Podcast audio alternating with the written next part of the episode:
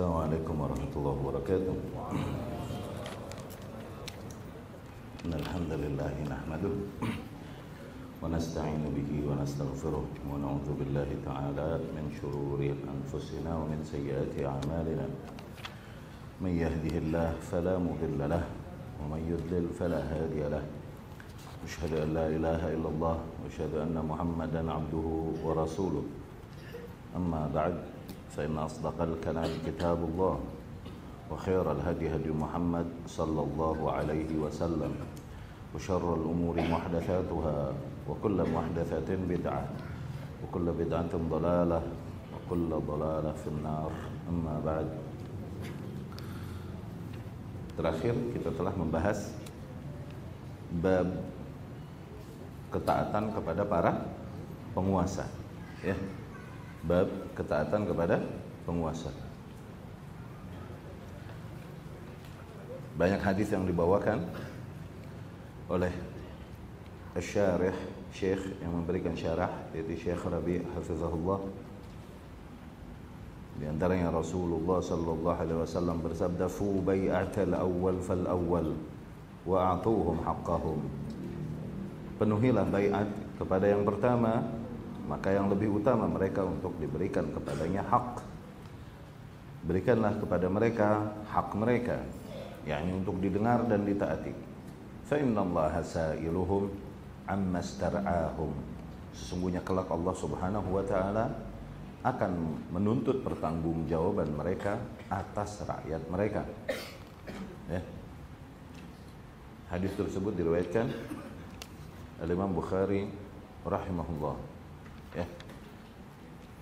Kemudian juga di antaranya hadis yang diriwayatkan dari Alqamah bin Wa'il an Abi dari ayahnya Qal sa'ala Salamah bin Yazid al-Ju'fi radhiyallahu anhu Rasulullah sallallahu alaihi wasallam.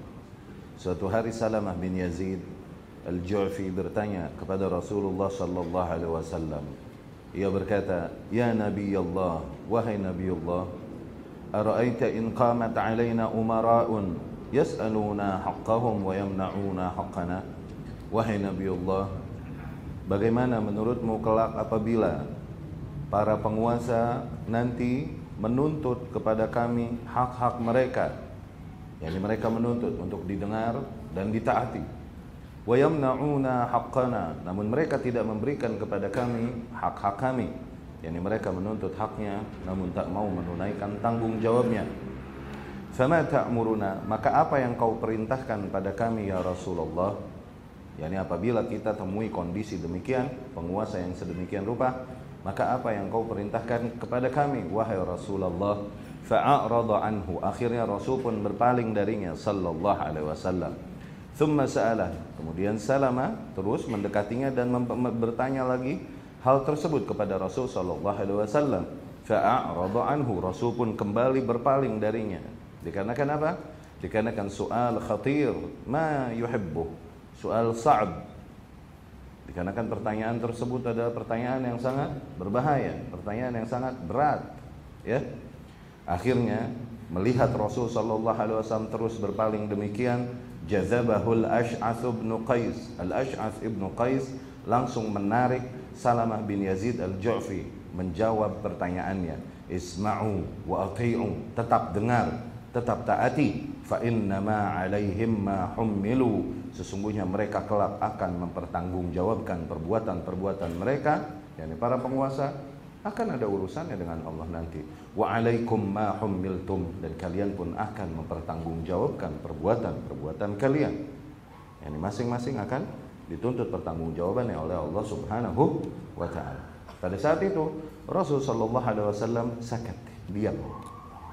Diamnya Rasul adalah ikrar pembenar pembenaran. Dikarenakan apabila hal tersebut batil la yaskut Rasul sallallahu alaihi wasallam. Rasul takkan takkan berdi berdiam, ya. Demikian pula ya. Keputusan atau pendapat yang disampaikan oleh para imam-imam Islam seperti Imam Malik, Imam Syafi'i, Imam Ahmad bin Hanbal wa ghairuhum wal Auza'i wa Thawri dan juga Al-Imam Al-Auza'i juga Al-Imam Al-Thawri. Kullu haula asaru yani hukumat indaha akhta wa indaha inharafat mereka semua rahimahumullah hidup di dalam pemerintahan yang mereka yakni pemerintahan-pemerintahan tersebut memiliki penyimpangan-penyimpangan dan kesalahan-kesalahan wa aslan madza jara ala fi ahdi al-Imam Ahmad. Dan sebenarnya apa yang terjadi pada zaman Imam Ahmad? Daulatu ta'til sifat. Negeri yang menta'til sifat Allah Subhanahu wa taala. Ila madhab Jaham bin Safwan. Memaksakan rakyat kepada madhab Jaham bin Safwan. Hadza indahum kufur. Itu adalah kekufuran. Kesalahan Al-Qur'an makhluk itu. Itu adalah kekufuran. Dan pada saat itu negara memaksa kepada kekufuran ya. Tapi apakah Imam Ahmad rahimahullah kemudian menyerukan masa kepada berontak dan menjatuhkan penguasa yang ada? Tidak. Yang ada dia malah melarang para fukoha Baghdad yang menyerunya mengajaknya untuk berontak kepada para pengua, penguasa. Bukan belum pernah kasus-kasus yang terjadi bukan belum pernah. Demikian pula para sahabat hidup di zaman penguasa zalim ya di zamannya Hajjaj bin Yusuf al-Thaqafi tapi mereka bersabar dan tidak melakukan pemberontakan terhadap penguasa yang penguasa yang ada dan lain-lain Ya. Jadi nilai ini bukanlah nilai yang baru disimpulkan terkini sekarang-sekarang dengan tujuan untuk menjilat para penguasa sama sekali tidak. Ini adalah nilai akidah yang berjalan sejak zaman salaf. Namun kita sering kali berpura-pura buta. Dikarenakan apa? Enggak sesuai dengan hawa nafsu kita, enggak sesuai dengan tren yang sedang terjadi dan lain-lain. Ya. Justru ini yang dicontohkan salafus saleh radhiyallahu anhum. Al-jihadu madin ila yaumil qiyamah ma'al bar wal fajir. Kita cukupi pembahasan tentang ketaatan kepada penguasa masuk ke bab selanjutnya. Yaitu apa? Jihad harus terus berlangsung sampai hari kiamat. Oke, okay? bersama para penguasa. Baik penguasa tersebut baik track recordnya atau buruk atau mereka fajir, mereka penguasa yang buruk namun tetap berjihad harus bersama mereka, harus di belakang mereka. Ya. Dikarenakan Rasul Shallallahu Alaihi Wasallam berkata al Imam Junnah. Penguasa pemimpin adalah junnah yuttaqa biha wa yuqatal min waraih. Yang digunakan untuk apa? Berlindung. Dan kemudian berperang harus dari belakangnya dari belakang imam tersebut al-matan Qala rahimahullah Imam Ahmad bin Hanbal rahimahullah berkata wal ghazwu madin ma'al ila yaumil qiyamah. Dan berperang okay, itu tetap wajib terus berlangsung bersama para penguasa sampai hari kiamat. Al-bar wal fajir la yutrak. Baik penguasa tersebut mereka okay, adalah penguasa yang baik atau penguasa yang buruk tetap tidak boleh ditinggalkan. Yani apabila mereka menyerukan jihad, maka wajiblah kita bergerak untuk berji berjihad. Okay? Dan apabila mereka tidak mengizinkan jihad, maka haramlah kita bergerak untuk jihad. Awas. Okay? Demikianlah kaidah-kaidah jihad di dalam ahlus sunnah. Usul dan dawabit intinya adalah izin para penguasa. Okay? Kemudian izin kedua orang tuh, oh, kedua orang tua juga termasuk dan lain-lain. Pembahasannya di bab jihad. Waqtismatul fai'i wa iqamatul hudud ilal a'immah madin. Nah, pembagian fai' dan pendirian had itu harus didirikan oleh para pengua, penguasa. Pembagian al-fai', fai' ini harta-harta yang didapatkan oleh para oleh negeri, oleh pemerintahan kaum muslimin entah dari rahmat rampasan perangkah dan lain-lain oke? Okay? atau setoran-setoran dari kafir dan lain-lain. Oke? Okay? ini harta-harta yang mereka dapatkan itu dibagikan kepada para kaum muslimin yang berhak. Siapa yang mengatur pembagiannya? Itu a'immah para penguasa. Mau baik mau buruk itu urusan mereka kewajiban mereka. Ya? Begitupun begitupun mendirikan had. Mendirikan had. Had adalah kasus-kasus yang diatur hukumnya di dunia oleh syariat. Seperti apa? Kasus mencuri maka hukumannya potong tangan. Kasus berzina maka hukumannya cambuk 100, gitu kan? Kasus minum khamar maka cambuk 50. Nah, itu had had had. Itu namanya had. Hukuman-hukuman yang telah diatur, oke? Okay? biasanya cenderung kepada hukuman-hukuman yang sifatnya fisik. Ini had. Nah pendirian juga harus oleh para penguasa, mau mereka baik ataupun buruk. Nggak ada cerita kita berkata bahwa mereka adalah penguasa yang buruk, akhirnya kita mendirikan had sendiri boleh? Nggak boleh, bikin negara dalam negara, negara. Mendirikan hukum di dalam hukum nggak boleh. Ya. Laisa li ahadin ayyata'an alaihim wala yunazi'uhum wa daf'u sadaqati ilaihim jaizatun nafidhatun man dafa'aha ilaihim ajza'at anhu barran kan au fajiran. Tidak boleh ada seorang pun yang mencela mereka dalam keputusan yang mereka ambil. Baik di dalam pembagian fai di dalam pendirian had. Enggak boleh ada yang mencela mereka mengkritisi mereka dalam hal itu. Tidak boleh juga ada yang membantah mereka atau menentang mereka di dalam hal terse tersebut. Dan kemudian juga membayarkan sodakoh sodakoh melalui mereka itu sah. Sodakoh di sini maksudnya zakat. Menyalurkan zakat melalui penguasa itu sah. Hah? Itu boleh dilakukan dan itu sah. Tidaklah jadi batal. Okay? Ilai ilaihim ajza'at anhu. Barang siapa yang menyalurkan zakatnya melalui penguasa, maka telah sah zakatnya. Barran kan au fajiran mau penguasa tersebut penguasa yang baik atau penguasa yang buruk maka telah sah bagi mereka wa salatul jum'ah khalfahu wa khalfa man wallah dan bersolat Jumat di belakang para penguasa atau di belakang orang-orang yang diberikan wewenang oleh para penguasa jaizah ini boleh baqiyah tammah ini ya sah sempurna dua rakaat yang tidak ada cerita Dikarenakan para penguasa adalah orang yang zalim, sehingga sholat di belakang dia tidak sah. Nggak boleh itu, awas. Gaya-gaya khawarij itu. Oke? Okay? Sehingga seseorang akhirnya setelah sholat Jumat dia pulang sampai rumah sholat Jumat lagi. La la la itu ahlul bid'ah fix. Itu ahlul bid'ah fix. Ya? Man a'adahuma fahuwa mubtadi' Tuh kata Imam Ahmad Barang siapa yang mengulang sholatnya Dikarenakan dia sholat di belakang penguasa kah yang menurut dia zalim Atau imam yang menurut dia sesat Ahli bid'ah Akhirnya dia mengulang lagi sholat di belakang Eh di rumahnya Oke okay? Maka justru dialah yang ahli bid'ah Tarik lil athar Orang yang meninggalkan athar-athar dari Rasulullah dan para sahabat radhiyallahu anhu Mukhalif lis sunnah Dia menentang sunnah dengan itu Laisa lahu min fadlil jum'ah syai. Dia sama sekali tidak mendapatkan keutamaan salat Jumat. Idza lam yara salata khalfal a'immah. Apabila mereka beranggapan tidak sahnya salat di belakang para penguasa. Man kanu barruhum wa fajiruhum. Mau penguasa yang baik ataupun bu buruk. Fasunnatu bi an yusalli ma'ahum rak'atain. Maka yang sesuai dengan sunnah Rasul sallallahu alaihi wasallam adalah tetap sholat di belakang para penguasa atau siapa pun yang diberikan kewenangan oleh para penguasa okay, tetap sholat di belakang mereka ini dua rakaat yadin bi annaha tamah yang sunnah adalah seseorang harus meyakini bahwa sholat tersebut sah sempurna la yakun fi sadrika min dzalika syak. Jangan ada keraguan sedikit pun di hatimu tentang keabsahan hal tersebut ya. Kenapa demikian? ditegaskan oleh Imam Ahmad dikarenakan muncul pada masa itu bid'ah berangkat dari bid'ah khawarij yang mulai menentang memberontak kepada para penguasa.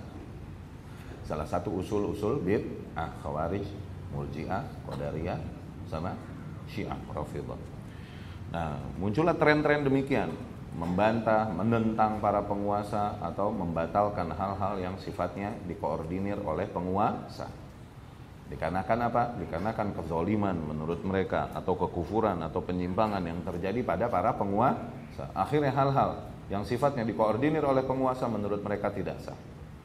Tadinya dari hanya sekedar menentang penguasa sampai titik mengatakan tidak sahnya sholat Jumat, tidak sahnya sholat dan lain-lain, ataupun jihad apabila dipimpin oleh penguasa yang demikian. demikian. Itu udah masuk cabang dari penyimpangan khawarij. Efek-efek jauhnya itu akan ke sana. Setelah apa? Setelah mulai mencela-cela penguasa, membantah penguasa, apalagi menjatuhkan penguasa dan lain-lain, efek-efeknya nanti ke situ tuh arah-arah. Ya. Sehingga Imam Ahmad rahimahullah menekankan poin ini di dalam kitabnya dan sebagaimana kita ulang-ulang selalu. Buku-buku akidah yang ada, di antaranya buku Al-Imam Ahmad ini, As-Sunnah ini, disusun tiap bab-babnya adalah bukan dengan tujuan untuk menyusun semua bab yang berkaitan dengan akidah Islami. Ya, kenapa? Terlalu lebar kalau begitu. Tapi yang disusun per bab-bab ini adalah perkara-perkara yang terjadi penyimpa penyimpangan saja dari akidah ahlus sunnah. Nah poin itu yang ditekankan akidah ahlus sunnah idealnya demikian, gitu, ya. Seperti penekanan tentang Al-Quran, kalamullah dan bukan makhluk. Kenapa beliau rahimahullah menekankan hal itu? Dikarenakan terjadi penyimpangan di bab itu, ya. Tentang kita ahlus sunnah meyakini takdir. Kenapa menekankan hal itu? Takdir adalah rukun iman yang ke-6. Kenapa yang ke-6 doang? Kenapa 1, 2, 3, 4, 5 nggak ditekankan? 1, 2, 3, 4, 5 nggak terjadi kasus penyimpangan padanya. Yang terjadi penyimpangan adalah di bab yang ke beriman kepada kodok dan qadar. Terjadi penyimpangan dalam hal itu, yaitu munculnya kaum Qadariyah dan kemudian lebih lanjut lagi muncul kaum yang bertentangan dengannya berseberangan yaitu Jabriyah. No.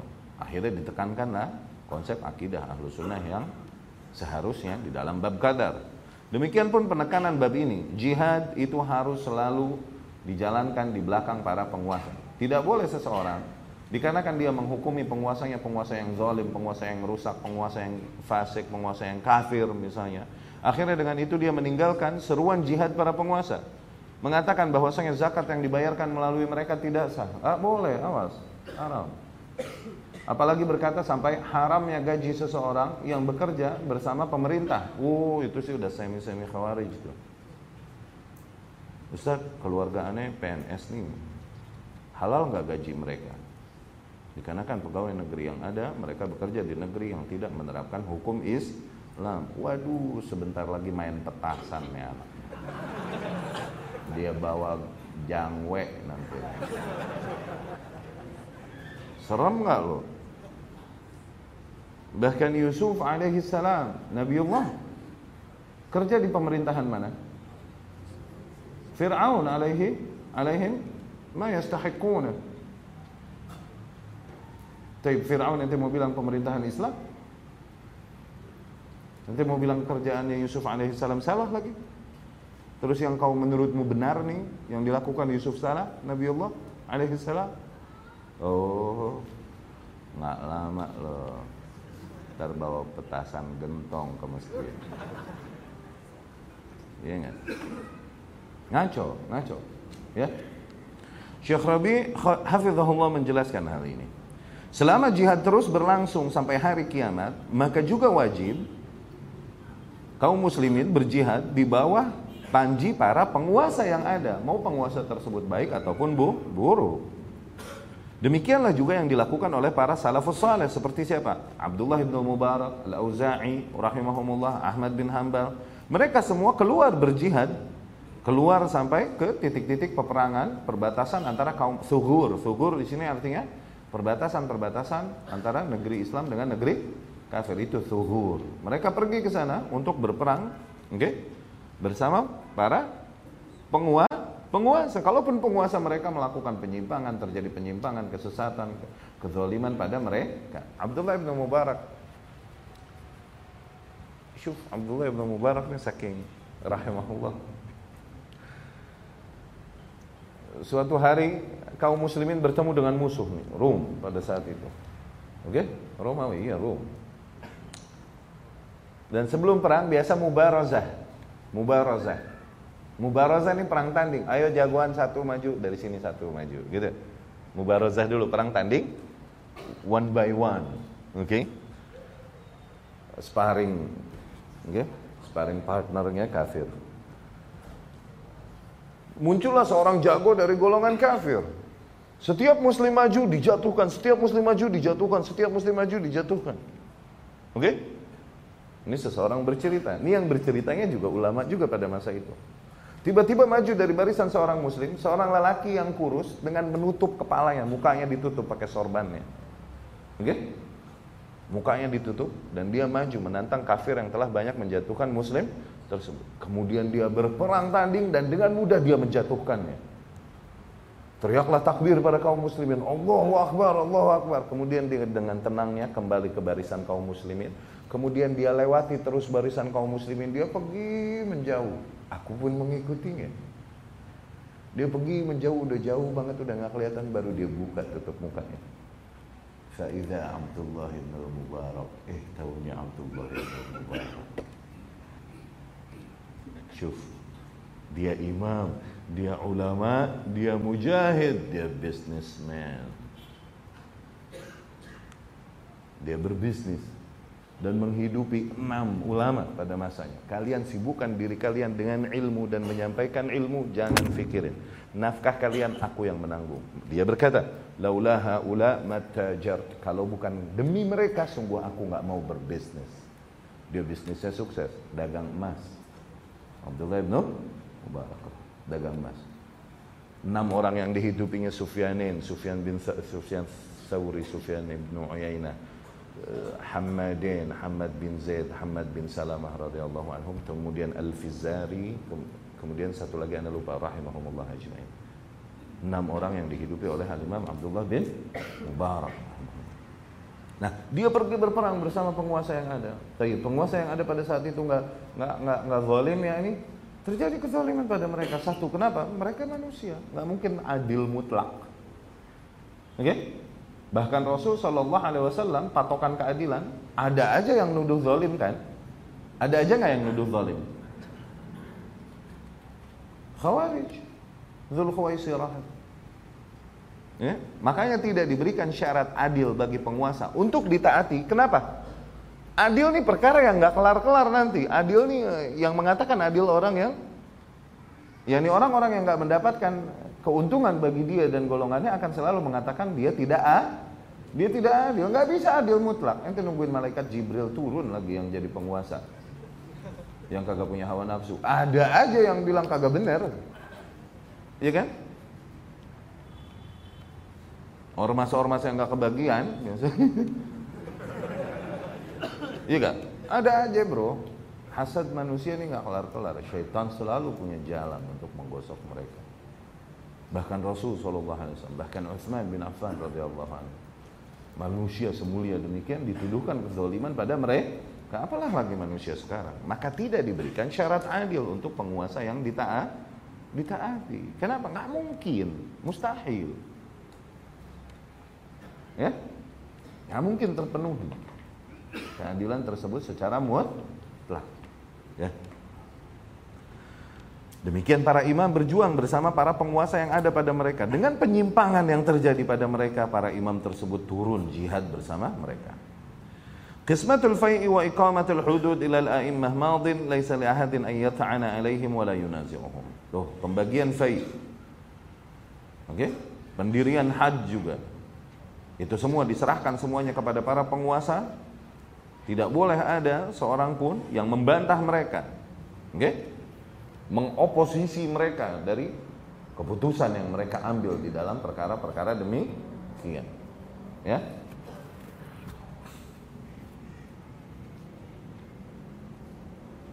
Ya.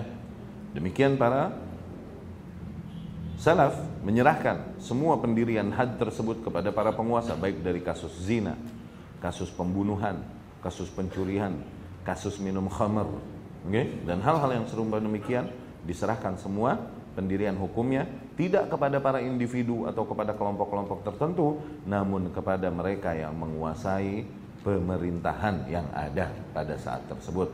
Dan ada hakku, dikarenakan ini adalah hak mereka. Walian ولأن تولي الأفراد أو الطائف لهذه الأشياء يؤدي إلى سفك الدماء أو يؤدي إلى فتن La awal wala akhir. Dikarenakan apabila perkara demikian diserahkan kepada individu-individu tertentu atau kepada kelompok-kelompok tertentu, tidak pada kelompok-kelompok yang lain, maka perkara demikian justru akan membawakan kepada fitnah-fitnah yang lebih besar. Fitnah yang tiada akhirnya kelak. Lakin idza tawalla dzalika waliyyu amrin, namun apabila perkara tersebut langsung didirikan oleh penguasa yang ada, walau kana fajiran, kalaupun penguasa tersebut adalah penguasa yang buruk, fa inna nufusa tahda wa la tata'arrad al lil fitan maka dari situ niscaya jiwa manusia, jiwa para rakyat akan lebih tenang dan tidaklah juga umat terancam kepada fitnah yang lebih besar. Laisa li ahadin ayyata'an alaihim. Tidak boleh ada seseorang yang mengkritisi mereka, mengopos mereka, mengoposisi mereka, keputusan yang mereka buat. Kata Imam Ahmad bin Hanbal rahimahullah. Maknanya adalah la fi iqamatil had wa la fi qismati fai. Tidak boleh ada yang mengoposisi mereka, membantah mereka, tidak dalam pendirian had mereka, tidak juga di dalam pembagian harta. Okay? Kama fa'ala Dzul Khuwaisirah seperti dulu dilakukan oleh Dzul Khuwaisirah. Dzul Khuwaisirah adalah Abul Khawarij, bapaknya Khawarij. Dia yang bergerak kemudian membantah pembagian Rasulullah sallallahu alaihi wasallam. Dia bilang ini pembagian tidak adil, pembagian la yurad biha wajhullah, pembagian yang tidak ditujukan untuk ridha al ridha Allah. Kata dia begitu tuh. Dan dia berkata kepada Rasul sallallahu alaihi wasallam, "Ittaqillah, bertakwalah kau kepada Allah." Uh. Demikian. Harkus bin Zuhair. Harkus bin Zuhair. Okay? Ini dia Zul Khwai Sirah. Abul Khawarij. Ya.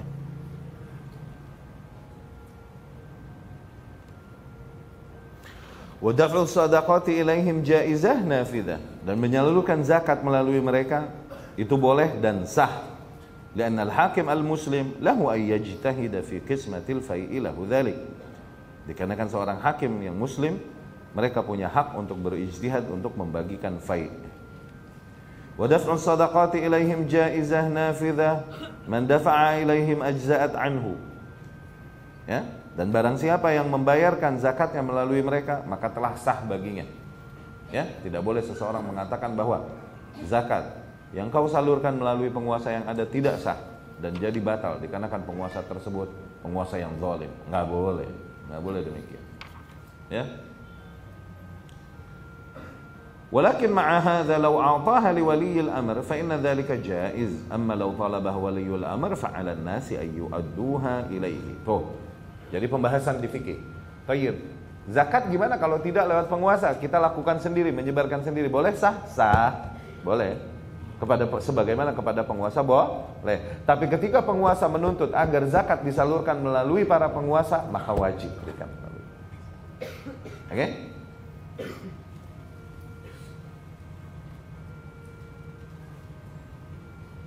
Wa idza imtana'u an ada'iha lahu an yuqatilahum kama qatala sahabatu mani'iz.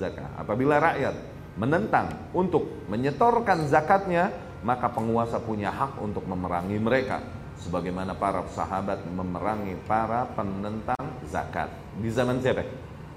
Abu Bakar Siddiq radhiyallahu Wa salatul jum'ati khalfa, khalfahu wa khalfa man wallahu. Demikian pula mendirikan salat Jumat di belakang para penguasa, oke, okay? atau di belakang para orang-orang yang diberikan wewenang oleh para penguasa. Demikian sah. Ya. Jaizah nafidah tammah rak'atain. Sah. Terus berlangsung demikian, ya, dan sempurna dua rakaat. Ya, ini Jumatnya nih. Man a'adahuma fahuwa mubtadi'. Barang siapa yang mengulang solatnya tersebut dikarenakan meyakini bahwa sholatnya tersebut bersama penguasa tidak sah maka dia seorang ahli bid'ah. Ba'dun nas yu'id salat al-jum'ah. Sebagian manusia mengulang sholat Jumatnya. Dikarenakan menurutnya Li'annahuma balag al-adad al-arba'in Wa imma li'anna al-imam yara salatahu laisat sahihah. Bisa jadi dikarenakan jumlah orang-orang yang sholat katanya nggak sampai 40 orang. Tuh, ini nggak ada syarat nih, awas ini yang sholat nggak nyampe 40 orang berarti sholatnya nggak sah, mesti ngulang lagi di rumah. Lalu sendirian di rumah, ngumpulin orang lo. Duh, suka nafsu aja main baru. Eh. Atau menurut dia adalah sholatnya tidak sah. Dikarenakan apa? Dikarenakan Dikarenakan apa? Dikarenakan pemimpin sholatnya imamnya adalah seorang ahli bid'ah. Tuh, awas. Sholatnya tetap sah, awas. Jadi jangan lagi ada yang nanya. Ini ada yang nanya berulang-ulang. saudara-saudara kita para penuntut ilmu, Ustaz, ini sholatnya nih terus-terusan pakai kunut subuh di rumah anda nih. Oke, okay? haruskah anda mengulang sholat di rumah? Uh, kunut subuh dong mengulang sholat. Oke? Okay? Atau imamnya anda tahu tak waktu sholat dia takbiratul ihram terus dia Allah. Wah, ada yang nanya begitu. Ngaco Ustaz. Haruskah anda mengulang sholat di rumah? Lah, Nah, salatnya sah. Ya, jangan. Awas. Kita kebablasan semangat beramal, akhirnya kena gaya-gaya khawarij. Awas. Suka di situ tuh akhirnya orang-orang yang rada semangat bablas di amalan tuh suka kena di ide ideas khawarij. Ya. Hati-hati. Zan. Hatta law kana al-imam fil jum'ah mubtadi'an. Kalaupun imam tersebut di salat Jumat tersebut adalah seorang mubtadi' ahli bid'ah, salli wala tu'id. Tetap salat di belakangnya dan jangan kau ulang salatmu. Tuh. Ya? Enggak boleh mengulang salat. Enggak boleh mengulang salat. Sah, udah. Ya. Kemudian bab selanjutnya tahrim al-khuruj ala a'immatil muslimin. Haramnya berontak kepada para penguasa kaum mus ini ini masih paket. Paket apa? Bab yang sebelumnya itu apa? Ketaatan kepada para penguasa. Di antaranya apa? Praktek-praktek yang harusnya bersama para penguasa bersama para penguasa. Jangan bikin barisan sendiri. Kemudian pun apa namanya? Berontak kepada para penguasa. Masuk ke dalam bab-bab ketaatan kepada para penguasa. Termasuk perkara-perkara yang sifatnya umum. Perkara-perkara yang sifatnya umum nih maslahat lebih besar apabila penguasa mengambil alih di situ. Tertutup pintu khilaf, tertutup pintu fitnah, tertutup pintu perpecahan. Apabila semua sepakat mengikuti apa yang ditentukan penguasa, penguasa. Termasuk apa? Memulai puasa, mengakhiri puasa. No, sholat id. Tertutup pintu khilaf semua. Ketika apa? Penguasa menentu, menentukan. Hatta nikah yang syubhat, nikah syubhat nih, tapi penguasa menurunkan keabsahan, yaitu dengan apa? Turun surat KUA, sah. Oke, masalah. Ini dikasih kasus. Seorang wanita menikah tanpa wali, misalnya ya. Seorang wanita, kita meyakini bahwa wali ini wa, wajib. Wali itu wajib, nggak boleh nggak ada, harus ada. Kalaupun bukan dari bapaknya sendiri, pokoknya harus ada wali. Nanti kondisinya tergantung. Kalau bisa lancar dan lain-lain, bapaknya langsung yang mewalikan. Tapi ada beberapa kondisi kewalian ini berpindah, tapi tetap harus dengan wali. Ini wanita nggak boleh menikahkan diri sendiri. Awas. Nggak boleh salaman angkah tuka nafsi. Aku nikahkan diriku padamu. Ya salam. Ajib. Nah Hanafiyah bilang wanita boleh menikahkan dirinya sendiri tanpa wali. Tuh, tanpa wali itu apa? Ini wanita begini nih. Oke? Okay? Aku aku aku nikahkan diriku kepada kepadamu. Kita kalaupun akhirnya memindahkan kewalian, wali tetap harus ada. Wali tetap harus ah, ada, tetap. Kalaupun akhirnya mungkin bukan bapaknya nih Harim yang mewalikan karena kasus-kasus yang terjadi, karena uzur yang terjadi. Oke? Okay? Tapi tetap harus wali A ada. Wali taukil dan lain-lain. Oke, ini ahlu sunnah umumnya. Seorang wanita pergi masalah ke negeri yang madhabnya negeri muslim, oke, okay, tapi madhabnya Hanafiyah. Banyak, banyak. Madhab pemerintahannya Hanafiyah misal. Negeri-negeri Mesir, Maroko kalau nggak salah termasuk Hanafiyah. Misal, ini wanita dia menikah di sana dengan seorang lelaki tanpa wali yang umum berjalan Seorang wanita nikah di sana begitu, ya gak? Kita bilang dia menikah tanpa wali, sah gak? Lah kok sah? Gue mau. Kok sah? Ini wanita menikahkan dirinya dengan seorang lelaki di sana, di negeri muslim. Oke? Okay? Kita bilang sah nggak tanpa wali? Nggak sah pada dasarnya. Kenapa? Ada yang tidak terpenuhi dari dari syarat pernikahan, uh, sorry, bahkan dari rukun. Oke? Okay? Tapi pemerintahan muslim di sana menurunkan surat KUA-nya sah bahwa dia adalah istri dia, ketutup pintu khilaf dan udah kita bilang sah. Ajib. No, nutup pintu itu. Keputusan penguasa tuh nutup pintu itu. Jadi jangan ada lagi yang ngomong sama anak, awas. Ustadz, anak afwan, afwan. Ustadz, anak lahir di luar nikah. Qadarullah terjadi. Semoga Allah ampuh. Dan itu buktinya dia udah ngaji dan lain-lain. Semoga juga jadi kifarat bagi dosa-dosa orang. Anak lahir di luar nikah. Maknanya orang tua anak hamil duluan sebelum akhirnya mereka berakal. Anak lahir. Berarti bapak anak itu tidak bisa mewalikan anak. Kenapa? Karena karena DP duluan tadi. Apa? Ya ini karena afwan, berisi duluan. Anda bingung cari kalimat yang pas. Tayyib. Ditutup aibnya dari manusia dan dia sudah dinikahkan, udah nggak ada yang tahu bahwa dia ini maaf maaf terjadi karena hal yang ha, haram. Tapi bapaknya udah menikah dengan ibunya juga akhirnya nikah juga gitu, cuman udah hamil duluan. Nah ini anak mau menikah, bisa nggak nih bapak waliin? Hah? Pada dasarnya nggak bisa. Kenapa? Karena berisi duluan sebelum nih makan nasabnya kepada ibunya. Tuh. Tapi penguasa telah mengisbat bahwasanya si fulan ya anaknya fulan. Tuh. Si Fulanah nih, anak dari Fulan, nih buku nikah kedua orang tuanya, nih akte kelahirannya, lahir nih anak dari ibu bernama Fulan, bapak bernama Fulan. Udah ketutup pintu fitnah, bapaknya yang nikah gitu. Tuh, asik gak? Itu fungsinya keputusan penguasa. Jadi yang jelimet-jelimet ke depannya ketutup semua. Deng. Sekarang kalau penguasa udah ngasihkan satu pendapat, Oke, okay? satu keputusan. Tapi kemudian kita akhirnya masing-masing berijtihad, berijtihad, berijtihad untuk melakukan hal yang berbeda, mempraktekkan hal yang berbeda dengan yang diputuskan. Ya, ribet, nggak habis-habis nanti. Ya, demikian maslahat yang lebih besar dengan mentaati penguasa. Keberantakan dan ketidaktertiban akan terjadi ketika apa? Ketika dibantah, di oppose, di oposisi para penguasa dengan keputusan-keputusan mereka. Ya, kita sampai bab ini dulu. Pertemuan yang akan datang kita nyambung ke bab selanjutnya haram yang berontak kepada para penguasa kaum muslim. Aku lupa hadza wa astaghfirullah li wa lakum.